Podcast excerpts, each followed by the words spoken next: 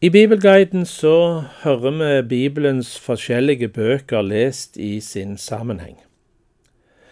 Vi har nå starta på en av de lengste bøkene, nemlig profeten Jesaja. Jesaja han er ofte sitert i Det nye testamentet òg, og vi vet at Jesus sjøl leste fra denne boka i synagogen i hjembyen sin Nasaret.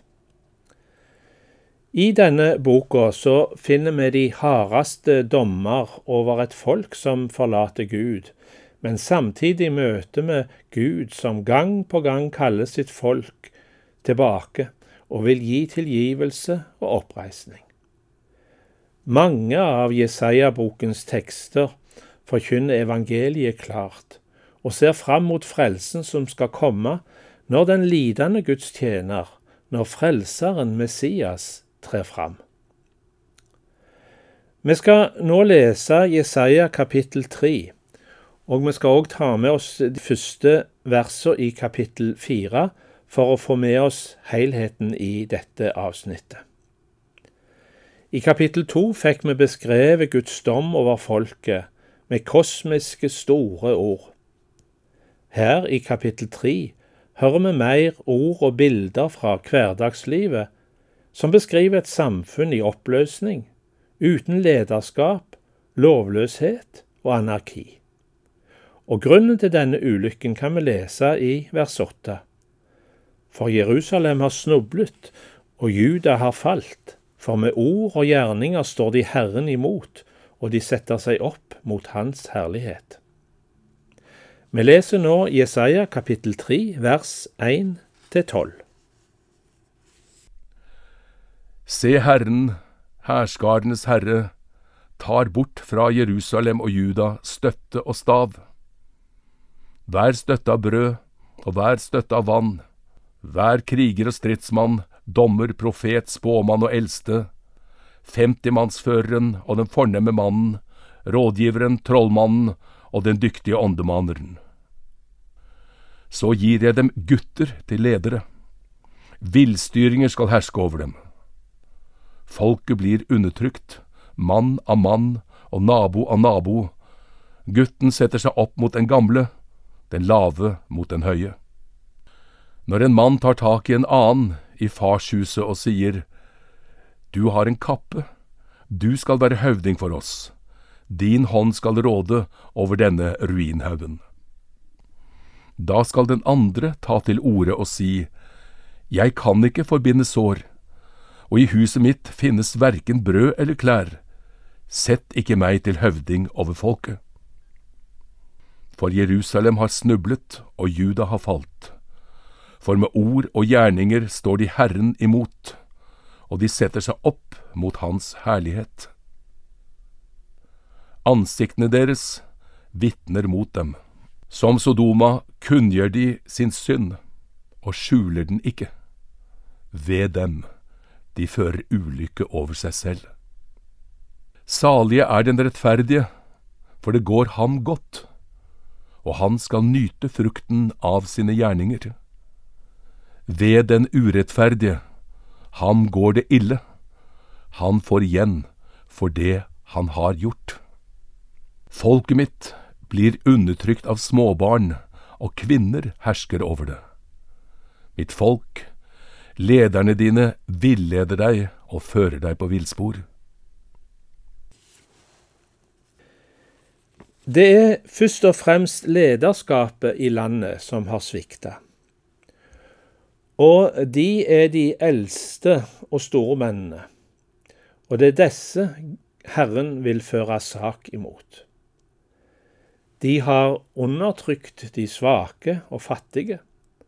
De har drevet rovdrift på jordbruksjord, og med det knuser de sitt eget folk.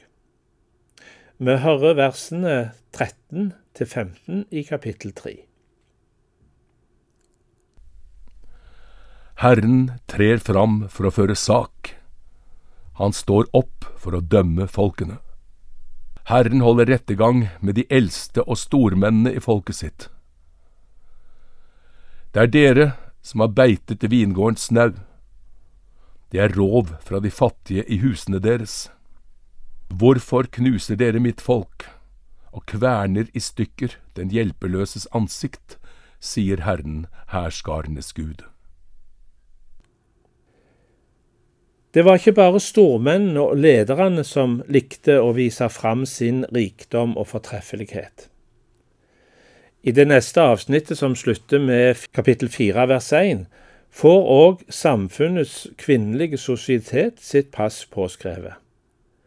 De er en del av samfunnets degradering idet de legger vekt på det ytre, det kosmetiske, pynt og fine klær, det materielle, og viser med det sitt hovmod. Underforstått, alt dette ytre har erstatta omsorgen for det indre liv. Den indre skjønnhet som skapes i et rett forhold til Gud.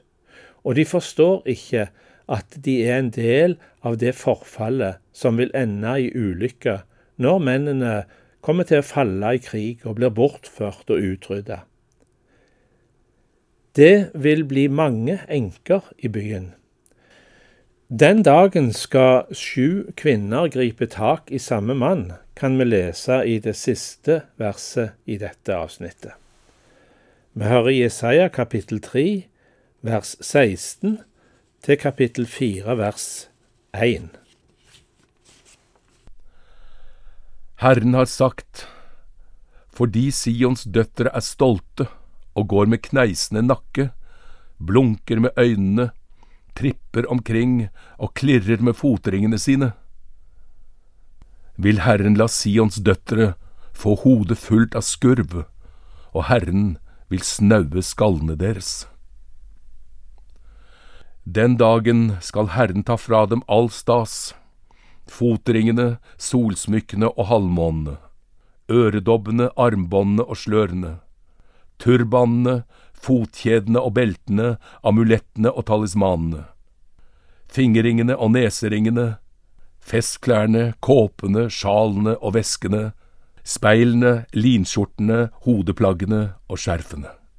Da blir det stank i stedet for godlukt, reip i stedet for belte, flintskalle i stedet for frisyre, sekkestrie i stedet for statsklær, svimerke i stedet for skjønnhet. Mennene dine skal falle for sverd, hæren skal falle i krig. Sions porter skal sørge og klage, hun sitter forlatt på jorden. Den dagen skal sju kvinner gripe tak i samme mann og si, Brød og klær skal vi skaffe oss selv, bare vi får bære ditt navn, ta vår vanære bort. Vi har hørt harde domsord fra profet Jesaja, men håpet om frelse og herlighet lyder i kapittelet vi skal lese i neste program. Bli med oss igjen da.